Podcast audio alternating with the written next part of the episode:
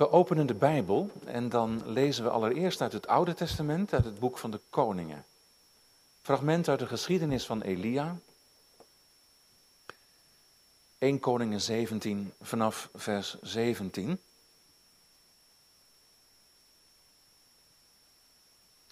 Met het lezen van de geschiedenis van Elia gaan we terug in de tijd, de negende eeuw voor de geboorte van Christus. De Baaldienst is geïntroduceerd. Het volk neemt eigenlijk steeds meer afstand van zijn God, de levende, de Heere God. Die reageert daarop met oordeel, droogte en honger. Elia wordt in leven gehouden door de weduwe van Sarfat, dat lezen we in de voorafgaande verzen. En zij ook ongedachterwijze. En dan gaat dat verhaal van de weduwe van Sarfat en Elia als volgt verder. 1 Koningen 17, 17. Het gebeurde na deze dingen dat de zoon van deze vrouw, die weduwe van Sarfat, de vrouw des huizes, ziek werd. En zijn ziekte werd zeer ernstig, totdat er geen adem in hem overbleef. En ze zei tegen Elia: Hoe heb ik het nu met u, man Gods? Bent u bij me gekomen om mijn ongerechtigheid in herinnering te brengen en om mijn zoon te doden? Hij zei tegen haar: Geef mij je zoon. En hij nam hem van haar schoot en droeg hem naar boven, naar het bovenvertrek waar hij zelf woonde. En hij legde hem neer op zijn bed. Hij riep de Heere aan en zei: Heere, mijn God, hebt u dan ook deze weduwe, bij wie ik als vreemdeling verblijf, zoveel kwaad gedaan dat u haar zoon gedood hebt?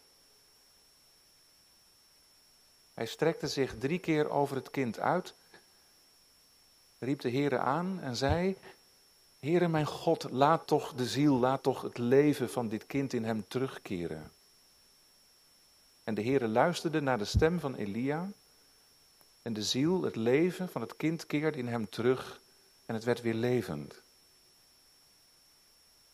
Elia nam het kind op, bracht het vanuit het bovenvertrek naar beneden in huis en gaf het aan zijn moeder. Toen zei Elia: Zie, uw zoon leeft. Toen zei die vrouw tegen Elia, nu weet ik dat u een man Gods bent en dat het woord van de Heere in uw mond waarheid is. In het evangelie heeft Lucas een geschiedenis meegenomen die ruimt op de geschiedenis die we zojuist hebben gelezen. We vinden hem in Lucas 7, de tweede schriftlezing.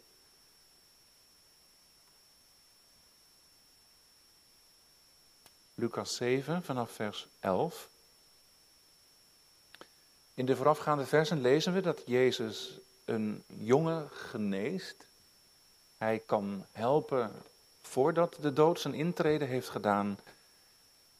Maar nu als de dood gekomen is, is Jezus, de Zoon van God, ook dan bij machten te hulp te schieten. Lucas 7, vers 11. En het gebeurde op de volgende dag dat hij, Jezus, naar een stad ging die Nain heette. Veel van zijn discipelen en een grote menigte gingen met hem mee.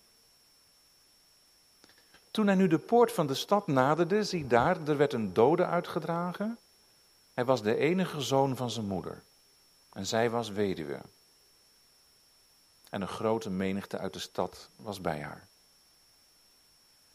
Toen nu de Heere haar zag, was hij innerlijk met ontferming bewogen over haar en zei tegen haar, huil niet.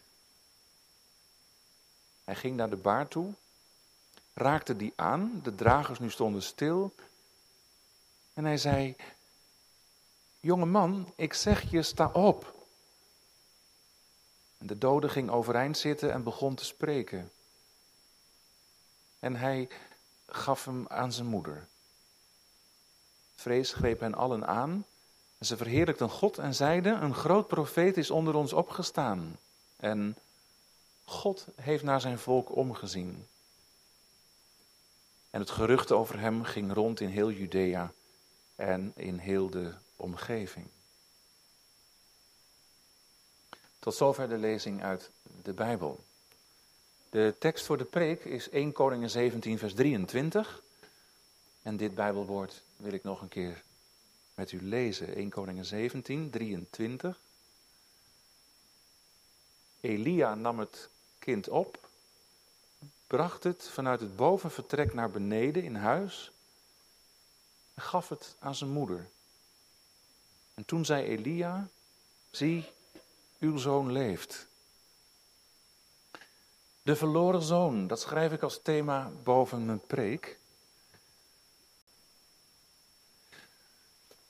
De verloren zoon.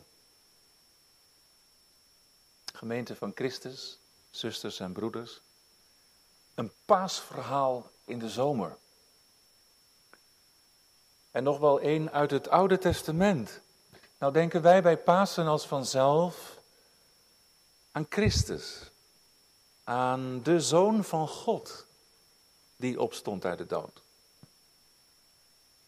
Maar dat van een zoon die opstaat gebeurde al eens eerder in de tijd van Elia. We lazen die geschiedenis. Indrukwekkend wat daar gebeurt, dag. Het gebeurt overigens in een tijd van crisis, van aanhoudende droogte en honger. In die tijd waarin velen zich afvragen, en nu staat iemand op uit de dood. En het is een zoon. Wat heeft dit stuk Bijbel ons te zeggen? Die jongen had het samen met zijn moeder heel goed. Ze waren gelukkig. Want ondanks die verzengende droogte en die vreselijke honger hadden zij toch maar te eten. Dagelijks brood, complete verrassing. Wat een zegen dat die profeet bij ze was. Maar op een dag, zo kan het zomaar gaan in het leven, van het een op het andere moment, misschien herken je het wel, is alles anders. Want de jongen wordt ziek en niet zo'n beetje ook doodziek. En het kind sterft in de armen van zijn moeder. Aangrijpend. En ja, wie zal dan woorden geven aan zulk onzegbaar verdriet? En we merken aan alles dat die vrouw verslagen is en boos wanhopig tegelijkertijd. En in die wanhoop keert ze zich tegen Elia de profeet. De dood van haar zoon heeft vast en zeker te maken met zijn aanwezigheid in hun huis. Wordt ze nu gestraft? We merken dat ze heel veel vragen heeft. De wanhoop spat van de woorden die ze spreekt en hoe begrijpelijk want je zult maar een kind verliezen. Denk wel eens. Misschien is dat het ergste wat een mens kan overkomen. Wanhoop. Want, en ook dat speelt hier mee, wie zal nu, wanneer zij straks ouder is geworden, voor haar zorgen gaan? Sociale voorzieningen, zoals in onze tijd, waren er helemaal niet. Haar zoon, en ze heeft er maar één, was haar leven. Haar houvast, haar zekerheid in uiterst onzekere tijden. Zoals zo vaker in de Bijbel staat de zoon ook in dit verhaal voor de toekomst. Toekomst hebben. Ik denk bijvoorbeeld aan de verhalen van Abraham. Die staan ook strak van de spanning. Waar blijft die jongen die beloofd is? Geen zoon, geen toekomst. Iets van die pijn proef je ook een beetje in dat verhaal van Zacharias en Elisabeth. Lang gebeden, daarmee gestopt. Geen zoon. Ik denk ook aan die vrouw uit Jesaja 54. Prachtige profetie onder het beeld van een vrouw. Sion heet ze, ook een weduwe, ook geen kinderen. En op al die plekken in de Bijbel, en er zijn er meer te noemen, voel je de spanning. Zonder kinderen houdt het op. Geen zoon, geen toekomst. En die spanning zit ook hier in deze geschiedenis. Die vrouw ervaart hier nu aan de lijve dat de toekomst dus heel onzeker is. Kwetsbaar. Ze is het zelf ook. En ook wij, wij ervaren het in deze maanden, jaren ook, dat de toekomst heel onzeker is. Wij in deze crisistijd. Van oorlogsdreiging. We dachten corona wat achter ons te gaan laten en dan is daar die oorlog in Oekraïne met alle onzekerheid van dien. En dan die klimaatverandering en alles wat dat met zich meebrengt, torenhoge prijzen. Waar gaat dit allemaal naartoe? Niemand die het zeker weet. Fijn dat die vakantie er is. Even niet aan denken. Het is net als bij deze weduwvrouw in dat oude verhaal. De zekerheden zijn een beetje weggevallen. Tot voor 2,5 jaar dachten we het leven, nou ja, niet helemaal, maar toch wel zo ongeveer wel een beetje in onze vingers te hebben. Maar het is gewoon niet waar gebleken. En soms ervaar je dat ook, ook heel persoonlijk. Dan is er ineens dat bericht van de specialist: U bent heel ziek, ik kan niet veel meer voor u doen. Of de diagnose Alzheimer. Kom bij je binnen. Of er is een plotseling overlijden in je directe omgeving. En jij, je zit met een burn-out thuis. En je bent net maar dertig. Dan kun je je zo ongelooflijk ellendig voelen, onmachtig, misschien wel wanhopig. Vragen stormen door je heen, zoals bij deze vrouw. En soms denk je, je durft het nauwelijks hardop uitspreken. Heeft God er ook nog iets mee te maken? Stevige vragen dringen zich op, ook hier bij deze vrouw. En dan Elia. Heeft hij dan onmiddellijk zijn antwoord klaar, zoals die vrienden van Job, die hun antwoord wel klaar hadden? Nee, Elia reageert eigenlijk niet zozeer op de vragen die deze vrouw stelt, op haar aangrijpende klacht. Het is op zulke momenten beter om er even niets te zeggen. Het God te gaan zeggen. Dat doet Elia zometeen ook. Je merkt aan alles, Elia laat die vragen staan. Hij is zelf ook, die man van God, compleet verbijsterd. Heeft ook zijn vragen. Stelt die God. En dan zijn reactie, hè? Geef mij je zoon. Hij neemt die jongen uit de armen van zijn moeder. En dan loopt hij de deur uit. En via de trap aan de buitenkant van de woning neemt hij die jongen mee naar boven. Naar zijn eigen logeerkamer op het platte dak van de Oud-Oosterse woning. En neemt die jongen mee naar boven. Want hoe het zit, zit het bij God moet hij zijn.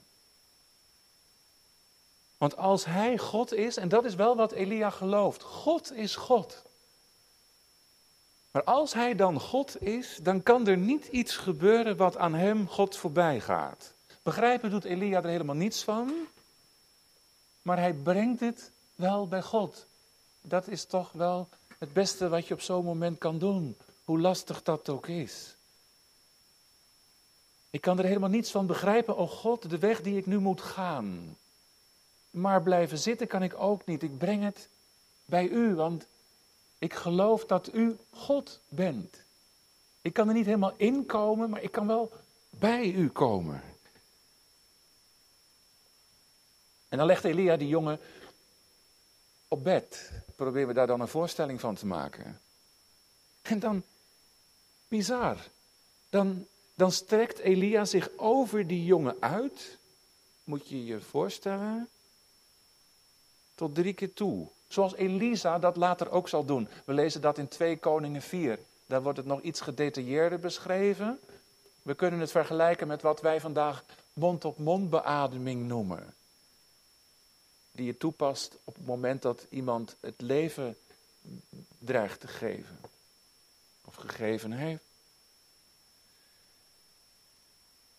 Hij legt zijn mond op de mond van die jongen, zijn ogen op zijn ogen, zijn handen op de handen van die jongen. Zo lees ik dat in 2 Koningen 4. Ik denk dat dat zo ook hier gegaan is. Het is dat, hè?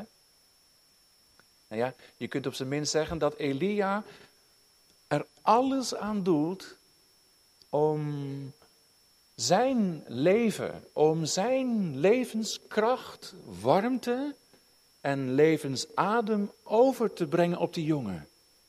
Moet hij dat doen?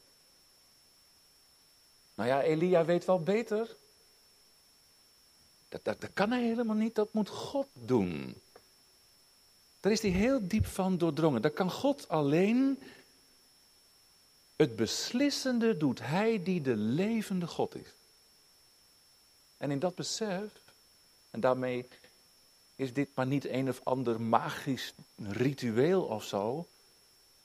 Elia gaat namelijk bidden. Op hetzelfde moment. En ook drie keer. Zoals Jezus ook later in Gethsemane drie keer bad. En Paulus ook drie keer heeft gebeden. Drie is in de Bijbel zoveel als drie keer is genoeg. Zo ook hier. dus die Elia die is in die situatie van crisis, van wanhoop en machteloosheid er heel diep van doordrongen. En in gedachten zie ik hem met die jongen naar boven lopen. De enige die hier nog iets doen kan. De enige die hier werkelijk helpen kan. Die de dood kan omkeren in leven. Die daar waar de toekomst zoek is. Te pletter gevallen. De toekomst opent. Dat is God. Wij hebben de toekomst niet in onze handen. Ik denk dat dat, ja, dat dat het is in deze geschiedenis. Wij hebben de toekomst, denk aan die jongen, niet in onze handen. En dan zegt Elia, geef mij nu je zoon. En die vrouw die, die geeft met haar jongen dus eigenlijk ook haar toekomst nu uit handen. En Elia, op zijn beurt, werpt zich niet alleen op de jongen, maar werpt zich dan ook op God. Indrukwekkend. Heere, mijn God.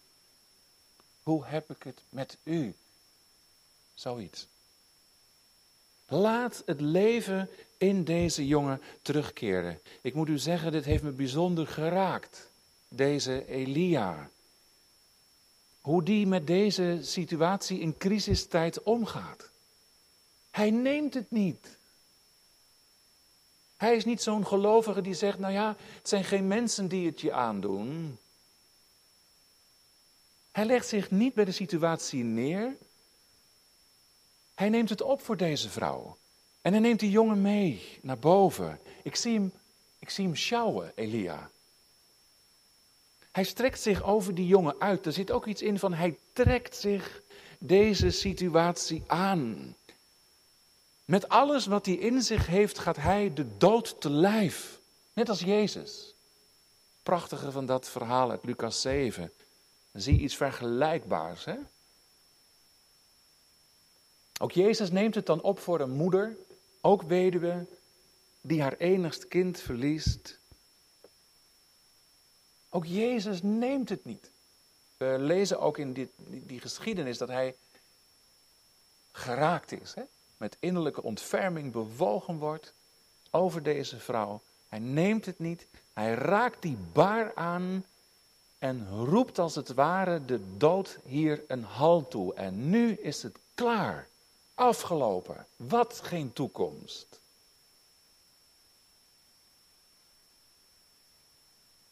En die verontwaardiging, die trof mij.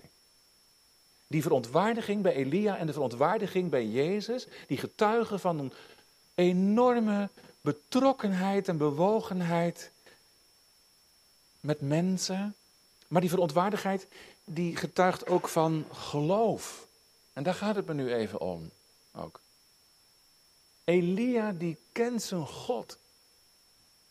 En daarom kan die zich hier niet bij neerleggen. En, en Jezus kent zijn God ook en, en, en hij als geen ander. Deze teloorgang, dit verlies, deze dood botst zo met Gods allerdiepste wezen. Ik denk dat dat het is wat door Elia is heen geslagen. U, God, bent niet zomaar God. Maar u bent de levende God. U bent de God van het leven. En dan dit. En dan spreekt Elia zijn God daarop aan. Zijn gebed heeft iets van een, ehm, van een gevecht.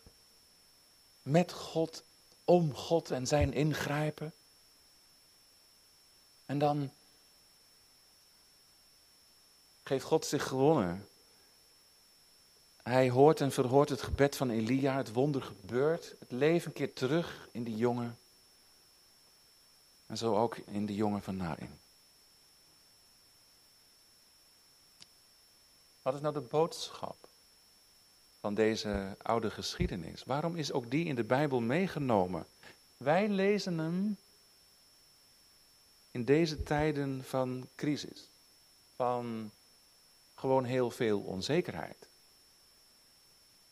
Het gaat in deze geschiedenis over de toekomst, die dus heel kwetsbaar is, die we niet in onze handen hebben.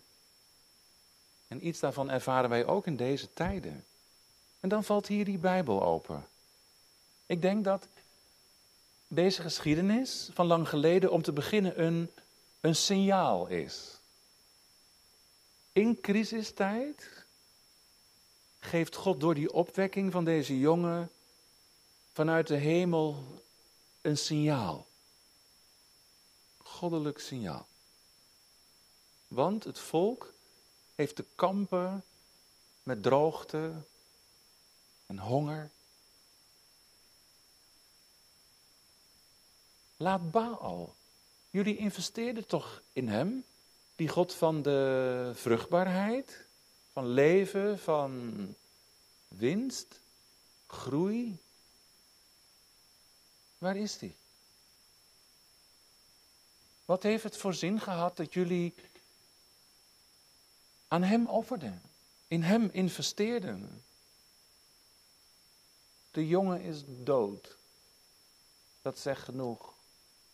Die God, Baal, is dood. Maar Hij, de levende God, de God van Israël, Hij is er. En hij, en dat is dat signaal, hij laat daar in die nood en dood, in die crisistijd weten, hij is er. En hij is de enige en hij is de echte, de God van het leven. En waar dat leven zoek is, weggeëpt, verloren, daar, daar roept hij het zomaar weer tevoorschijn. Dus die geschiedenis is ook voor ons een goddelijk signaal. Vraag vanuit de hemel. Wie is nu in deze tijden eigenlijk jouw God? Wie of wat is nou eigenlijk jouw houvast, jouw zekerheid in deze tijden van grote onzekerheid? En 1 Koningen 17 is dan een heel krachtige verkondiging. Het wordt ons gezegd van, van de andere kant, zeg maar. Dat houvast en die zekerheid, dat kan er echt maar eentje zijn. Je gaat je vergissen wanneer je mikt op Baal en daarin je vertrouwen stelt. De enige echte houvast en zekerheid is deze God. En hoe zinloos is het, ook dat zegt dit verhaal, om te blijven investeren in Baal, in de goden van groei, van winst, van succes, van groter en nooit genoeg.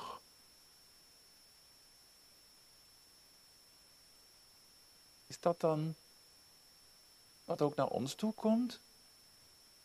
Wij die geloofden in de goden van wetenschap, techniek, geld, economie, hadden het leven zo'n beetje in handen. En nu, crisis op crisis, klimaatsverandering met grote gevolgen. God, wat heeft het ons te zeggen? goddelijk signaal, deze geschiedenis, midden in die tijd. Hoe goed je eraan doet om, om die God van de Bijbel serieus te nemen en je heil bij Hem te zoeken. Want over de toekomst gesproken, het is wel duidelijk dat wij die niet in handen hebben. Met deze vrouw ervaren we dat. Maar nou, maar nou Elia, daar komt hij. En hij komt, waar komt hij vandaan? Hij komt van boven naar beneden. Lees maar in de tekst. Met die jongen in zijn armen. Komt hij van boven naar beneden. En dan loopt hij naar die moeder toe, die de toekomst kwijt is. En dan wordt die haar geschonken. Hij geeft die jongen aan zijn moeder terug. Exact hetzelfde lezen we van Jezus in Lucas 7. En let dan op het woordje geven. En hij gaf hem zijn moeder. Die moeder die wilde dat jong natuurlijk krampachtig zien vast te houden. Maar ze moest hem loslaten. Weg toekomst. En nu toch een toekomst. Die toekomst wordt haar van boven gegeven. Zomaar geschonken en niet haar alleen. Die wordt haar van een kant aangereikt waarheen ze nog nooit gekeken heeft. Wat is dat voor een God? Die God van Elia. Ja, dat is er echt een van grote verrassingen. Genadige God. Bewogen God. God om te geloven. Dat is er nou echt een waar je op kunt bouwen. De toekomst is kwetsbaar. Maar het wordt ons verkondigd in deze vreemde geschiedenis. Dat er dan toch één is die de toekomst geeft. En wat zullen wij dan? Krampachtig proberen om ons vast te houden aan van alles of nog wat? Nee. Ik mag net als Elia in tijden van crisis gewoon naar boven lopen, het hoger opzoeken. Ik denk dat dat ook de roep is die vanuit deze oude geschiedenis uitgaat. Dat we de moed hebben om in deze tijden te geloven in Hem die doet wat we niet voor mogelijk houden. En dat we in dat geloof ook volharden. Ja, want vanzelf gaat het niet. Een goddelijk signaal. Tegelijkertijd is deze oude geschiedenis ook een teken van hoop. Dat wonder dat Jezus doet trouwens ook. Een teken van hoop. Gods mogelijkheden zijn ongekend. Wij zeggen, het houdt bij de dood zo'n beetje op. Ja, voor ons houdt het bij de dood wel op. Maar bij hem dus niet. Ook waar de dood heeft toegeslagen, is hij er. 1 Koningen 17, Lucas 7. En hoe? Zijn macht is groot. Waar het voor ons ophoudt, maakt hij op zijn manier zomaar een nieuw begin. Waar jij denkt dat de toekomst dicht zit zwaait er vanuit de hemel zomaar een deur open. Hij is God. Wij worden geroepen om in deze crisistijden ons vertrouwen te stellen op Hem. En dat klinkt eigenlijk heel vertrouwd. Dit heb ik vaker gehoord. Maar het komt er nou zo op aan, hè? En dat Hij me vanmiddag laat weten dat we van Hem zoveel mogen verwachten. Doe ik het ook? Of verwacht ik het ergens toch weer van eigen initiatieven? Wie is als Hij? Mag heel veel van Hem verwachten. Er zit spanning dan ook in, hè? want ik hoor u denken, u zei ja, maar wacht even, niet elk gebed wordt op die manier van 1 Koningin 17 verhoord. Wij hebben zelf ook zo intens gebeden, zeg je. Geen verhoring. De manier waarop wij dat zo hadden gehoopt. Een slikken. Meer dan dat, dat is een gevecht soms met God. Niet elke zieke wordt genezen. Niet elke dode stond op als Jezus langskwam. Maar Weet je, dat is ook niet wat deze geschiedenissen ons willen zeggen. dat we dat zouden mogen verwachten. Deze geschiedenissen die gaan net iets verder. Die, die verwijzen ons naar God en naar zijn Zoon Jezus Christus. En ze verwijzen ons niet alleen naar hen, maar ze nemen ons als het ware ook bij de hand en werpen ons op Hem, God en Zijn Zoon Jezus Christus. wij bidden om genezing, natuurlijk, begrijpelijk. En we bidden dat we langer mogen leven in tijden dat dat spannend is. Of waar bid je zo al niet om? En dan de ervaring ook vanuit deze geschiedenissen dat God ja, meer geeft. God geeft zichzelf. Hoe zou je dat vinden? Dat je niet krijgt wat je bidt, maar dat je Hem zelf ontvangt. Van boven naar beneden wordt ons de Zoon gegeven. Gods Zoon, ook gestorven. Kapot gegaan aan onze zonden, kapot gegaan aan alle pijn en lijden in deze wereld. Maar ook weer opgestaan, tot leven gewekt.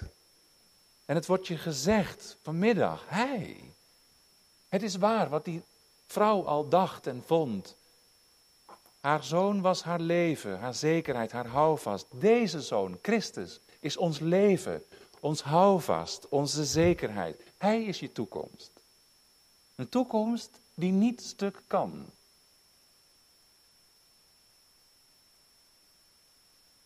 Kan ik, kan ik het daarmee doen? Durf ik het daarop te houden?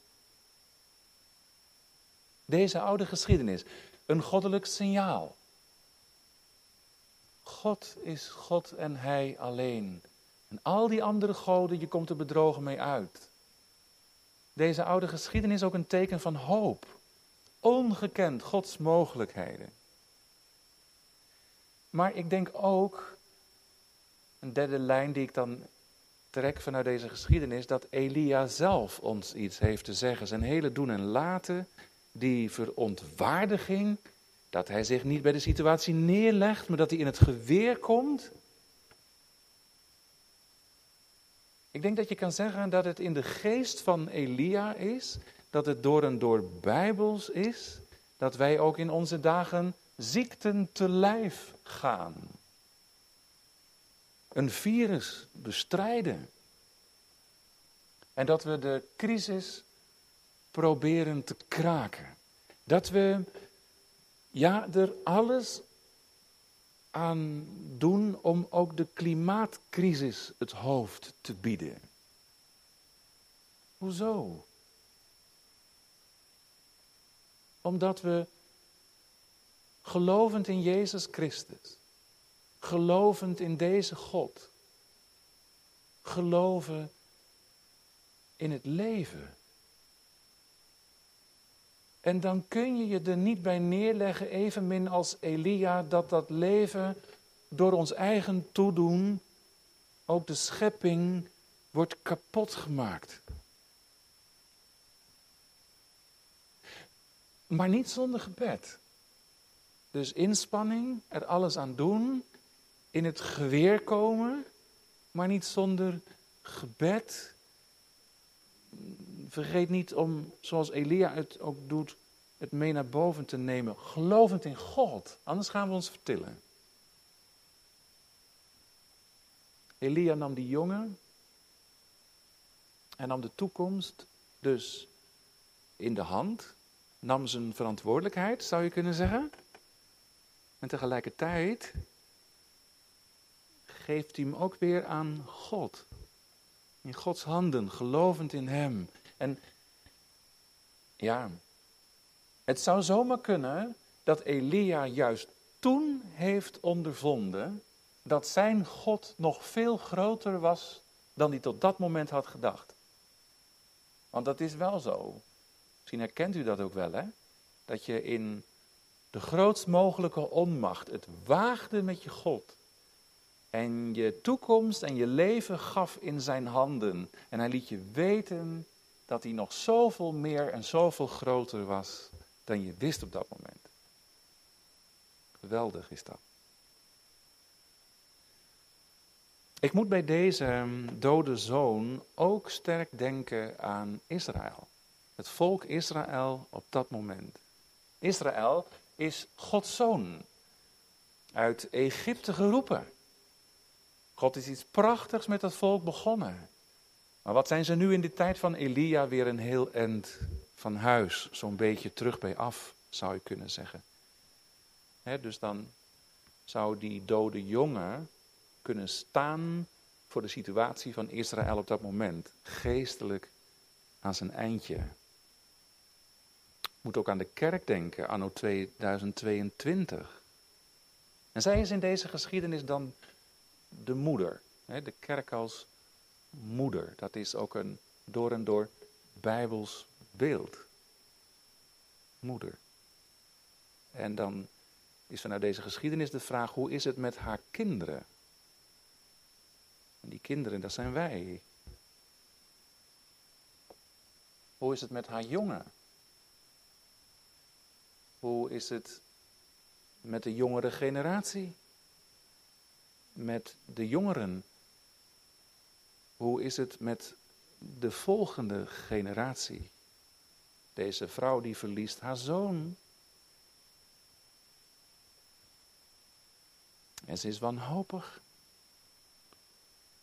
En dan de kerk. Kan me best wel bezighouden. Er haken er zoveel af. Voorbije decennia. Velen zijn gegaan. En dan ben ik heel blij dat, dat in de Joris heel veel mensen weer terugkeren naar coronatijd. En tegelijkertijd mis ik mijn jongeren. Een deel van hen. 18, 19, 20, 21. En dan denk ik, ik weet niet hoe het hier is, maar gaan we de komende jaren nog, nog meer jonge mensen verliezen, jongens, jongeren, die die volgende generatie druk met van alles en nog wat verliezen? Omdat er geen adem meer in ze overgebleven is? Geloof dat door van alles en nog wat gestikt is. Is weg. Ik heb het niet meer als zand me door de vingers geglipt. Geloof dat vlamde, maar niet meer leeft. Verloren zonen. Toen, nu. En dan Elia. Die is er. Die is er ook. En dan denk ik, ik hoop dat er heel veel Elia's zijn in Gouda en in Amersfoort, die dat niet nemen. Die zich daar niet bij neerleggen, maar die met die moeder, die met de kerk begaan, die geestelijke crisis, zeg maar, te lijf gaan. Die sjouwen. Die sjouwen met de jongeren en met de jongere generaties. Elia laat die jongen niet gaan.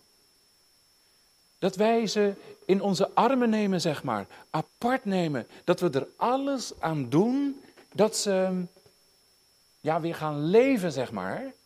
Of blijven leven in God. Alles op alles zetten. Dat ze de geest ontvangen. De adem van God. Doordat je met die jongens gewoon aan tafel gaat zitten. Ik heb in Amersfoort een groep jongens die te nauwe nood nog naar de kerk komt, zo nu en dan. Maar ze vinden het heerlijk om gewoon daarboven ergens in ons wijkgebouw aan tafel te gaan zitten. En aan de hand van het boekje De Gewone Catechismus zelf met hun vragen te komen. En dan heb je het er met elkaar ook over. Lukt het nog een beetje? Het volgen van God, het geloven in Hem. Waar piept het, waar kraakt het? Waarmee zou je geholpen zijn? Waar liggen je vragen? Dat hè. Als een Elia het niet laten gaan, maar sjouwen. En dan denk ik als ik deze geschiedenis lees, deze inzet voor juist de jongere generaties onder ons. Ja, dan bedoel ik zeker ook de twintigers en de dertigers. Die zoveel ballen in de lucht hebben te houden. Het moeten zien vol te houden. En dan ook het geloof nog moeten zien vol te houden. Deze inzet voor de jongere generaties kon nu wel eens van cruciaal belang zijn. Dat was het in dat oude verhaal, dat is het nu gewoon weer. Want het is waar. Geen zoon, geen toekomst. Als de jongere generaties het niet meer uithouden en verdwijnen, waar blijft dan de kerk? Waar is Elia? Waar is Elia? Hoe belangrijk is juist hij geweest voor deze moeder? Ondertussen vergeten we het gebed niet en daarmee rond ik af. En nemen we ze mee naar boven. Onze kinderen. Ik sprak deze week een vader die een jonge lijden is gedaan. Zo betrokken bij de kerk. Meedoen, hier, daar. En uh, hij gaat niet meer naar de kerk. Hij weet het eigenlijk niet meer zo goed. Ik zei tegen hem, tegen die vader, zei, joh, hoe, ga je daarmee, wat, wat, hou jij nou nog over dan? Als jij naar boven gaat en en bid. En hij zei heel eerlijk, ik, ik weet het eigenlijk niet. En ik begrijp het wel. Ik kan me voorstellen dat je op zo'n moment het echt niet meer weet. En dan deze geschiedenis. Deze Elia, die met zo'n verloren zoon boven gaat. Wat heb je dan nog in handen? Zei ook die ouderling in Delft tegen me al zijn kinderen niet meer naar de kerk, al zijn kinderen los van het geloof. Wat heb ik nog in handen? Pas op voor snelle antwoorden. Maar dan denk ik vanuit deze geschiedenis zou het God misschien zijn dat ik juist dan, waar het mij ontvalt, niets anders meer in handen heb. Maar wat is het veel? dan dat God God is. Als ik dat niet meer kan geloven, ja, dan, dan, dan zou het voor mij ook wel ophouden. U bent God.